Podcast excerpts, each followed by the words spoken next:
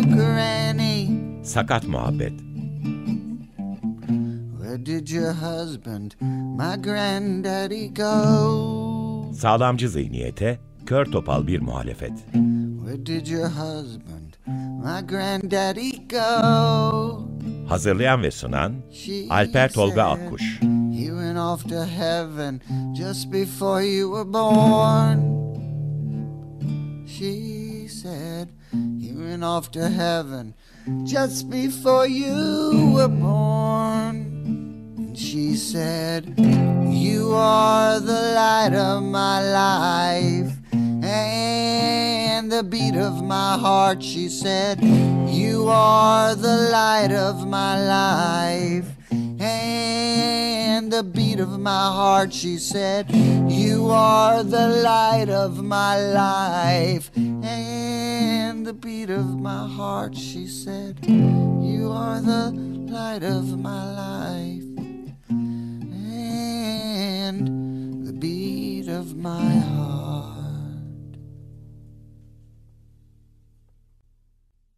Merhaba, Açık Radyo'ya Sakat Muhabbet'e hoş geldiniz.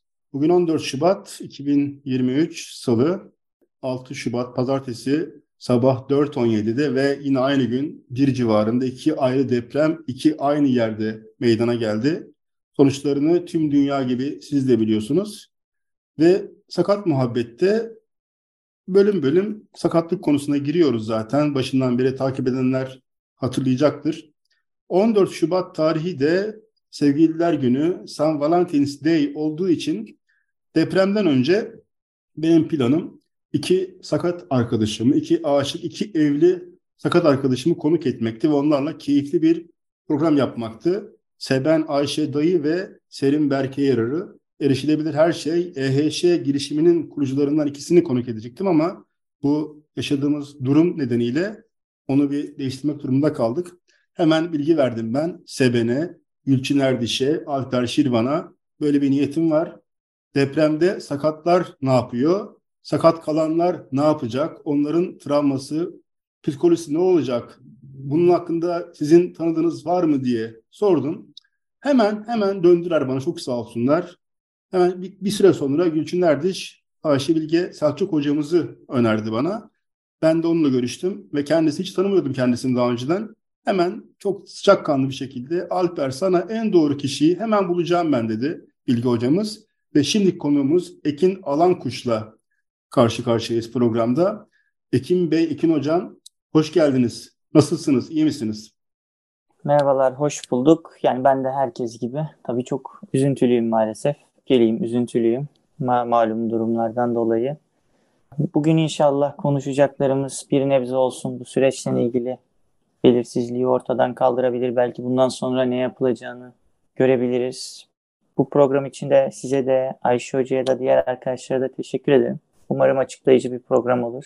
Çok sağ ol konuk Şimdi ben nasılsınız, iyi misiniz diye sorarken de şimdi deprem zamanı, bir sürü kayıp zamanı sorulur mu tam da siz doğru kişisiniz aslında. Hem background'ınızı bize açıklayın hem de nasılsınız, iyi misiniz aslında en doğru soru her zaman bu soru olmalı diye geçiyor şimdiden. Sizin kendi profesyonel geçmişinizle ilgili de olduğu için kendinizi, background'ınızı anlatarak isterseniz başlayalım programa. Tabii. Ben psikolog ve psikoterapistim. İstanbul Bilgi Üniversitesi'nde psikoloji bitirdikten sonra Avusturya'da 7,5 sene kaldım. Ee, orada Sigmund Freud Üniversitesi'nde psikoterapi e, yine lisans derecesinde daha sonra da yüksek lisans derecesinde bitirdim. Hem e, akademik hayatım boyunca hem sonrasında da aldığım eğitimlerle uzmanlığımı travma üzerine yaptım. Orada 7 sene bir psikiyatri hastanesinde çalıştım. Kırılgan gruplarla çalıştım. Mülteci kamplarında çalıştım. 2018 yılında Türkiye'ye dönüş yaptım. Ondan sonra da sınır tanımayan doktorların teknik destek sağladığı işkence ve kötü muameleden hayatta kalmış mültecilerle çalıştım. 4,5 sene boyunca bu projede çalıştım. İlk 3 senesi psikolog olarak, son 1,5 senesi de ruh sağlığı ekibinin yöneticisi olarak çalıştım. 2019'dan beri de korto psikolojiyle e, eş zamanlı çalışıyorum. Geçen senenin sonundan itibaren de projemiz bitti ve şu anda korto psikolojiyle devam ediyorum.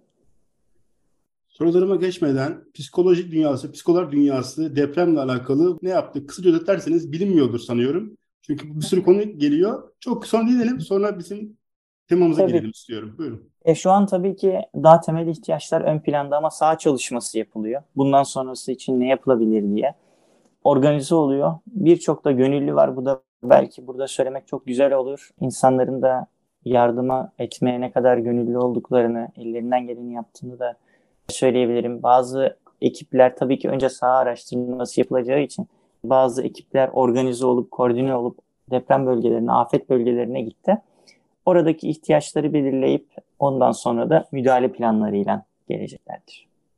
Ya, şu anda akut bir durum olduğu için e, genellikle biz e, bu akut durumun yatışmasını biraz bekleyip burada yapabileceklerimiz daha sınırlıdır psikolojik destek verme, vermeden önce yapılacakların yapılıp temel ihtiyaçların karşılanıp ondan sonra bir müdahale planıyla ortaya müdahale planı yaratırız.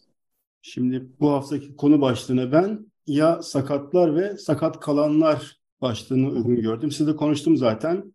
Daha evveliyatı da anlat. Telefonda konuşmuştuk. Çünkü böyle durumlarda hep şu kadar kayıp, bu kadar yaralı deniyor ama o yaralıların nasıl yaralandığı, kaç kişinin sakatlandığı, sakat kaldığı, içinde sakat var mıydı hiç konu olmuyor. Ben bu Maalesef. bir haftalık süreçte bir doktor kadının bir ses kaydını dinledim. Çok fazla amputasyon var, çocuklar var diyordu. Amputasyonu da bilmeyenlere işte kolların, bacakların kangren nedeniyle ve başka nedenlerle kesilmesi olarak söyleyeyim. Çok insan var böyle. Çünkü şey de deniyor hep. Sakatlık konusunda ele alınca ya sıra ona mı geldi? Şu anda şu var. Hep böyle deniyor ama aslında tam da onun konusu bu. Şimdi Tabii. önce şeyi konuşalım. Çok büyük bir afet yaşıyoruz. Tabii deprem doğal bir şey ama onun depremin yanında tabii insani kusurlarımız da var. Onlara girmeyeceğiz ama özelde sakat bireylerin genelde ise tüm o bölgedeki insanların ki ben de Mersin'de yaşıyorum. Depremi hissettim. Allah'a şükür bir yıkım, bir kayıp bende olmadı ama ben de dayımın kızıyla yeğenimi kaybettim. Maraş'ta yaşıyorlardı kendileri. Allah rahmet eylesin onlara da binlerce kaybımız var. Bu travma hakkında kendi profesyonel geçmişinizden bakarak bununla ilgili sakat bireyler ve tüm oradaki insanlar ve ben de dahilim tabii buna ne söylemek istersiniz? Öncelikle tabii herkesin tekrar başı sağ olsun. Kalanlara da sabırlar dilerim ve e, belki bu program aracılığıyla da şunu söyleyebilirim. Yardıma da yardım sağlamaya da her zaman açığız. E, bize ulaşmaları yeterli olur. Şimdi travmalar nedir? Travma bir kişinin vücut veya psikolojik bütünlüğüne yapılan bir tehdittir en basit haliyle anlatmak gerekirse. Böyle durumlar bildiğimiz baş etme mekanizmalarımız yetersiz kalır ve bunun sonunda da kişi çaresizlik, dehşet ve korku gibi duygulara hapsolur. Bu duygular tarafından terörize edilir. Şimdi tehlike anında kaç ya da savaş mekanizmamız bizim devreye girer. Fakat travmalarda bu mekanizmamız çalışmadığı için donma tepkisi veririz. Bundan dolayı da dediğim gibi özellikle çaresizlik duygusu tarafından kişi terörize edilir. Bu olayların etkileri herkes için çok zorlayıcı olabilir. Yani travmatik olaylar yaşandıktan sonra görülen en sık psikolojik rahatsızlıklar sırasıyla kaygı bozukluğu, depresyon ve travma sonrası stres bozukluğudur. Bir yani tabii ki bunu böyle söylüyorum ama şu an akut dönemdeyiz. Daha bir ay sonra daha net bir şeyler söylenebilir kişilerin semptomlarıyla ilgili akut reaksiyon veriyorlar yani şu anda. Tabii ki yaşanan olaylara bunu dinleyen arkadaşlar şey diyebilir. Bunların hepsi bende var diyebilir. Şu an normal de zaten böyle hissedilmesi. Bunun da altını çizmek istiyorum. Çok sevdiğim bir hocamın bir sözü vardı. Şimdi hepimiz travmatik rahatsızlıklar, psikolojik rahatsızlıklar gösterecek miyiz sorusunun cevabı olarak her merdivenden düşen ayağını kırmıyor demişti. Travmatik olaylara maruz kalan arkadaşların maalesef %5 ila 8'i arasında bir kesim psikiyatrik ve psikolojik müdahale gerçekten ihtiyaç duyuyor. Bu ihtiyaç ortaya çıkıyor kişiler için. %20-25 arasındaki kesim içinse kesimse de risk grubundadır. Bunu da altını çizmek istiyorum. Şimdi sorunumuzun ikinci kısmına gelirsek bedenen engeli olan arkadaşlar bunu acaba nasıl tecrübe etti, ne yaşadı diye. Yani bu sorunun cevabı hem çok zor hem çok öznel ama ben birkaç tane kilit noktayı altını çizmek istiyorum. Birincisi belki de kişi kendi bedenine, yeni beden formuna ne kadar adapte olduğuyla da çok alakalı. Ne kadar adapte olduğu ile ilgili yeni bedenini ne kadar tanıdığıyla alakalı bir durum. Kişinin kendi bedeninin uzmanı olması burada bence çok belirleyici bir faktör olacak. Bütün araştırmalarda da onu söylüyor zaten. Bunun yanında bedenen engeli olan arkadaşların doğal afetlerde nasıl bir yol izlemesi gerektiğini biliyor mu? Eğitim aldı mı hiç? Mesela çevresi hiç aldı mı? Ee, bu eğitimler akut gibi kurumlarda veriliyor. Bu iki saydığım noktada az önce belirttiğim travmanın yarattığı müthiş çaresizliği en aza indirmek için iyi birer koruyucudur. Şimdi bunun yanında zaten bedenen engeli olan arkadaşların bazı sosyal durumlarda e, dışlanmışlık gibi mesela bazı problemleri olabiliyor. Yine dışlanırım korkusu bu süreçte daha ön plana çıkabilir. Ve maalesef bu az önce saydığım kişiyi terörize eden duyguları işte kaygı, korku, çaresizlik ve benzeri gibi duyguları daha yoğun hissetmelerine yol açabilir. Burada önemli bir nokta daha mesela işte tahliyedeki bilgisizlik veya kişilerin zaten dışlanmayla ilgili bir problem varsa acaba geri planda kalabilir miyim gibi bir korkuları, düşünceleri buradaki travmanın gelişmesine de zemin hazırlayabilir. Burada müdahale piramidinin iyi işliyor olması lazım. Müdahale piramidi nedir belki? Hani biraz bundan da bahsedebilirim isterseniz. Siz de sordunuz ya şimdi mesela ekipler ne yapıyor, psikologlar ne yapıyor diye. E, bu müdahale piramidinin altında en temel ihtiyaçlarımız yatar bizim. Barınma, yiyecek, sağlık. Sonrasında işte bu barınma, yiyecek, sağlık gibi temel ihtiyaçların karşılanıyor olması çok önemlidir. Yine az önce neyden bahsettik? Mesela bedenen engeli olan arkadaşların dışlanma gibi bir korkusundan bahsettik en sık karşılaştığımız. Yani bu noktalarda da atılacak adımlarda da asla dışlanmamaları hatta önceliklenmeleri gerektiğini düşünüyorum. Burada toplum, çevre, aile desteği ikinci basamak olarak oradaki artık komünite, halkın desteği çok önemlidir. Psikososyal yardım ve gerekirse uzman destekleri piramidin en tepesindedir. Şimdi biz depremde deyince, deprem gibi bir doğal afette deyince sadece deprem anını düşünmememiz gerekiyor. Bence bu nokta da çok kritik ve önemli. Sadece deprem anı değil, bütün bir süreçte dikkatli olmamız gerekiyor. Bu travma sonrası çünkü günlük işlevselliğin geri kazanımı çok önemlidir. Travmalar büyük bir kontrol kaybıdır. Dediğim gibi yani şu an tabii daha akut dönemdeyiz. Verilen tepkiler çok normal. Ama bu gerekirse bu konularda bilgili olma gerekirse depremden sonraki o müdahale planında o müdahale planının iyi işliyor olabilmesi bunlar herkes için çok koruyucudur. Çok teşekkür ederim. Sorunuza cevap verebildim mi? yok yok yani ben hiç bilmediğim bir konu bu. Tabii dinleyenlere, bizi izleyenlere ve yani bir şekilde ulaşan herkese illaki faydası olacaktır. Çünkü Basit bir... bir şekilde anlatmaya çalışıyordum ki hani e, gerekli yerlere ulaşması yani, için. Zaten şunu da söyleyeyim. Şimdi bir depremden önce de planımız vardı bizim programla alakalı ama bundan sonra çünkü çok uzun bir süreç olacak dediğiniz gibi evet. ve Türkiye'de maalesef ilk anda halkımızın inanılmaz bir yardım, bir içgüdüsü var. Birdenbire coşuyoruz. Hemen gidiyoruz ama aradan zaman geçirdi tamamen unutuyoruz. Yani ikisi arasında acayip bir uçurum var. O yüzden bunu sürekli uzun vade yaymak lazım. Açık Radyo'da da Altın Saatler programı vardır. Her çarşamba yayınlanır. 17 Ağustos'ta başlamış ve hala süren programdır. Bunun gibi işte yani. Onu da yapmak Aynen. lazım. Şimdi Açık Radyo bizim bir geleneğimiz de var. Programların tam ortasında bir müzik arası veriyoruz. Sizle de konuştum gerçi de bunu nasıl yapalım? Sizin tercihiniz nedir bu arayı? Evet yani ikimiz de aynı fikirdeyiz aslında. Belki bir dakikalık bir sessizlik e, maalesef depremde kaybettiklerimiz için ve zarar görmüş kişiler için e, bir dakikalık bir sessizlik olacaktır tercihim benim de. Evet, Sakat Muhabbet programına devam ediyoruz. Konuğumuz Ekin Alankuş. Ekin Bey ile depremde sakatların ve o sırada sakat kalanların durumunu aslında konuşuyoruz. Sakat muhabbetin de Ekin Bey siz de belirtmiştim. Amacı sakat kelimesinin olumsuz anlamını iyiye döndürmek. Hatta bizim bir sloganımız da var. Sağlamcı zihniyete, kör topal muhalefet şiarıyla yola çıktık biz. Ve bu deprem de olsa ne olursa olsun bunun sürmesini istiyorum ben. Genel bir algı var. Geçenlerde görmüştüm motokuryeler paylaşıyordu bunu.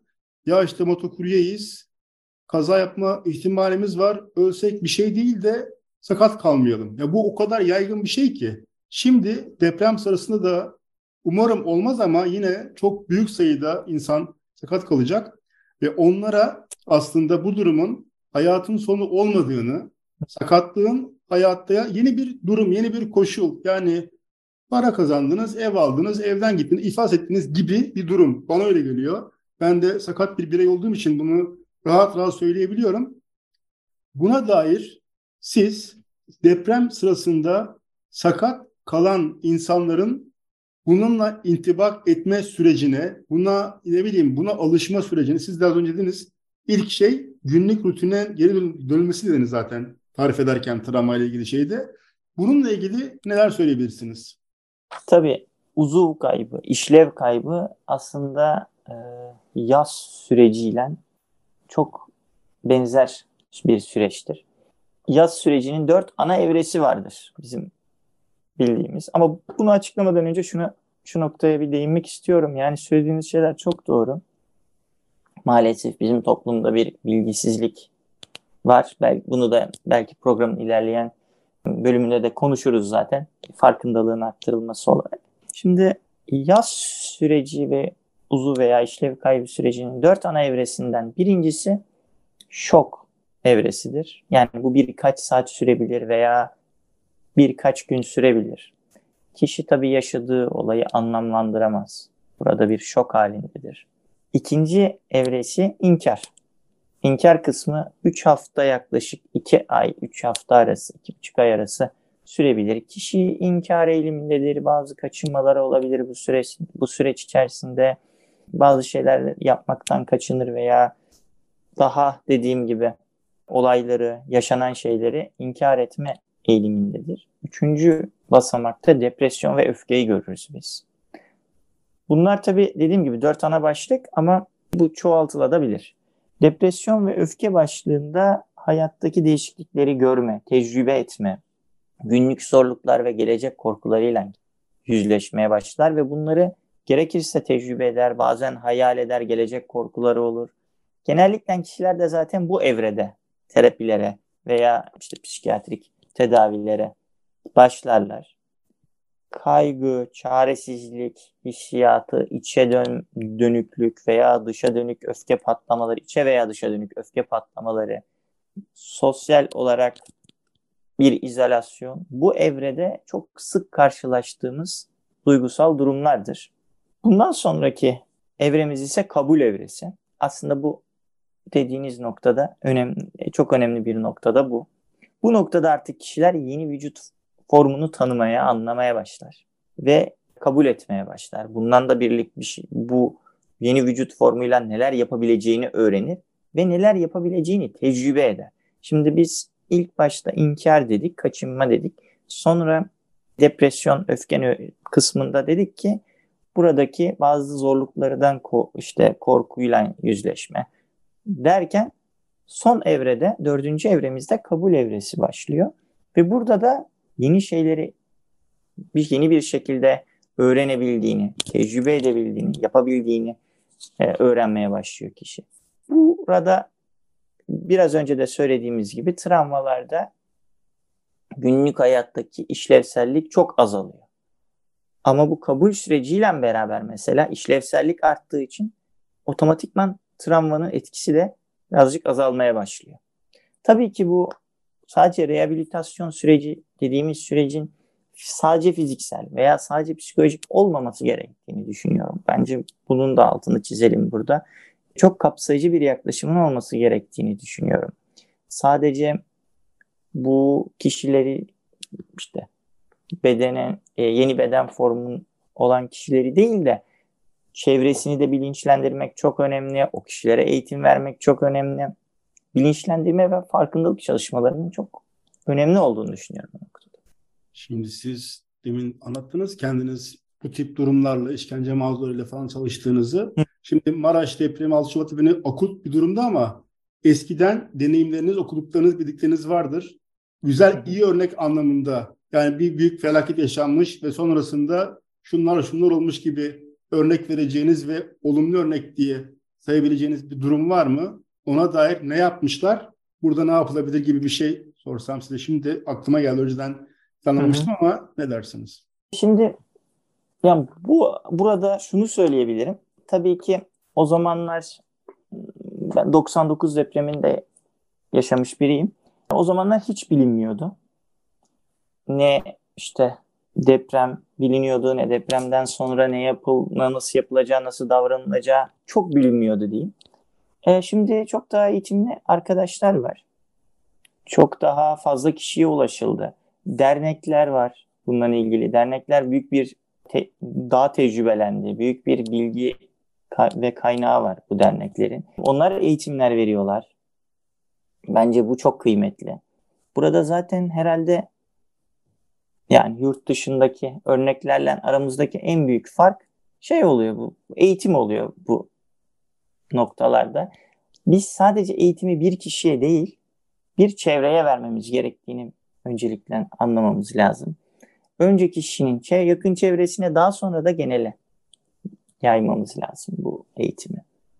Şimdi dernek deyince ben tabii çok fazla vardır benim bildiklerim. İstanbul Hı. Barosu Engel Hakları Merkezi sürekli paylaşım Twitter'dan işte engellerle ne yapılır? Engel tek tek engelli Hı.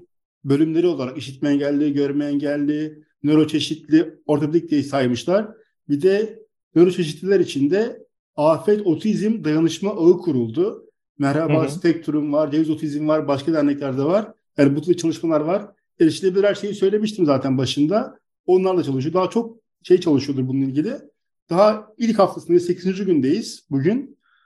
Ama öğreneceğiz diyoruz, yaşayacağız diyoruz. Bilmiyorum ders alıyoruzdur illaki de hep yaşadığımız anda bir şok oluyor. Çok sağ olun. Ekin Alan Kuştu bugün hı hı. konuğumuz. 6 Şubat Maraş depremiyle ilgili depremde sakat kalan ve yakalananlar ve sakatlığı orada başlayan vatandaşlarımıza, yurttaşlarımıza, halkımızdan insanlara ne yapılabilir? Psikolojik anlamda konusunu konuştuk. Son olarak neler söylemek istersiniz Ekin Hocam? Ben şunu söylemek isterim. Az önce sorduğunuz soruyla da çok alakalı. Yani işte bizde kalıplaşmış bir söz vardı. Ben o niyetle yapmadım, ben o niyetle söylemedim diye. Biz biraz ben odaklı, biz kendimiz odaklı yaşadığımızdan dolayı yani karşıdaki kişide nasıl bir etki bıraktığımıza pek dikkat etmiyoruz. Şimdi Dünya Sağlık Örgütü'nün sayılarına bakabilirsek 1.2 milyar kişinin bedenen engeli olduğu söyleniyor ki dünya nüfusunun 8'de birinden neredeyse 8'de birinden fazlası. Sakat, yani aktivist, aslında, sakat aktivistleri %15'iz biz diye bir sloganları da var. We are 15% diye bir şeyleri var zaten onu söyleyeyim. Hı hı. Aslında yani bu sorunun cevabının bir kısmını ilk soruda söylemiştim ben. Hani orada da bedenen engelli olan bireylerin dışlanma korkusundan da bahsetmiştik. Nelere yol açtığından bahsetmiştik. Şimdi burada altını çizmemiz gereken olaylar farkındalık ve dahiliyet. Farkındalığı kimler veriyor? Bu eğitimleri, farkındalık eğitimlerini sivil toplum kuruluşları veriyor. İşte üniversiteler veriyor, belediyeler veriyor. Düzenli eğitimler Az önce siz de söylediniz ya hani 17 Ağustos'ta başlayıp da hala daha devam ediyor. Düzenli bilinçlendirmeler, eğitimler, bedenen engeli olan arkadaşların önce kendisine sonra yakın çevresine verilmesi lazım. Bu eğitimlerin içinde psikoedikasyon dediğimiz eğitimler olması lazım. Fiziksel eğitimler olması lazım. Haklara erişim olması lazım. Kapsayıcı olması lazım. Dahiliyet çok önemli. Sosyal hayat ve iş hayatına katılımın teşvik edilmesi lazım. Dayanışma bu noktalarda çok önemlidir. Yani bu doğal afetlerin e, insan eliyle yapılanlardan farkı olarak en önemli şey biri vahşetken insan eliyle yapılan genel doğal afetlerde biz genellikle bu bir aradalık duygusunu hissederiz. Herkes birbirine yardım etsin, etmeye çalışır. Dayanışma duygusunu hissederiz. Bu dayanışmanın sürdürülebilir olması çok kıymetli. Sosyal hizmetler maalesef yani Türkiye'de niyeyse pek bilinmiyor e, sosyal hizmetlere erişim, bunun daha kolaylaşması, daha çok tanıtılması gerekiyor. De, ama devlet kanalıyla ama sivil toplum kuruluşlarla terapilere erişim. Herkesin hakkıdır terapiye erişim. Çok sağ olun. Bir de siz başladınız ya Bize ulaşın, biz destek veririz. Nasıl ulaşacaklar size? Onu da bir de seni verelim. Sonunda da Şöyle ulaşabilirsiniz. Bana e-mail adresimi verebilirim. ekin.terapi.gmail.com'dan. Mail atabilirler, ulaşabilirler. Onun dışında Türk Psikologlar Derneği'nin sayfasını takip edebilirler. Orada da arkadaşlarım organize oluyorlar. E, bunları önerebilirim. Korto Psikoloji'de çalışıyorum şu anda. Dilerlerse Korto Psikoloji'nin numarasından da bana ulaşabilirler. E, LinkedIn kullanıyorum arada. Yani ona da her gün baka özellikle bu dönemlerde her gün bakıyorum. Varsa soruları arkadaşların hiç çekinmesin. Elimden geldiğince yardım etmekten onur duyarım yani. çok çok sağ olun. Ekin Alan Kuştu konuğumuz. Tabii Bilgi hocamızı da bir daha teşekkür edeyim ben ve Bilgi hocamıza ulaştığımız zaman Gülçin Erdiş'e de. Çünkü bu dayanışma her şeyde oluyor. Sadece deprem bölgesine gitmek değil. Aramızdaki bu konuşma, şeyi bile konuşmadık aklımda da vardı. Bu üniversiteler tatil edilmiş. Onun başka bir travma boyutu var. Çok şey var yani. insanlar birbiriyle konuşa konuşa aslında sağaltılabilir. Bir sürü de psikoloğun, eğitimcinin de tweetlerini okuyorum. Yapmayın, yapmayın diye. Bu bambaşka bir boyutu. Konuşsak bitiremeyiz ama süremiz de kısıtlı. 20-25 dakikalık süremiz var. Bütün ülkemizde, ulusumuza geçmiş olsun diyorum. Tabii Suriye ayağı da var. Orada da bir sürü insan hayatını kaybetti. Onları da anmadan geçmeyelim. Sakat Muhabbet'in yeni bölümünde buluşmak üzere. Tekrar başımız sağ olsun, geçmiş olsun. Ama umut etmeye, yaşamaya, direnmeye devam edelim diyorum ben. Görüşmek üzere. Hoşçakalın. Çok teşekkürler. Görüşmek üzere.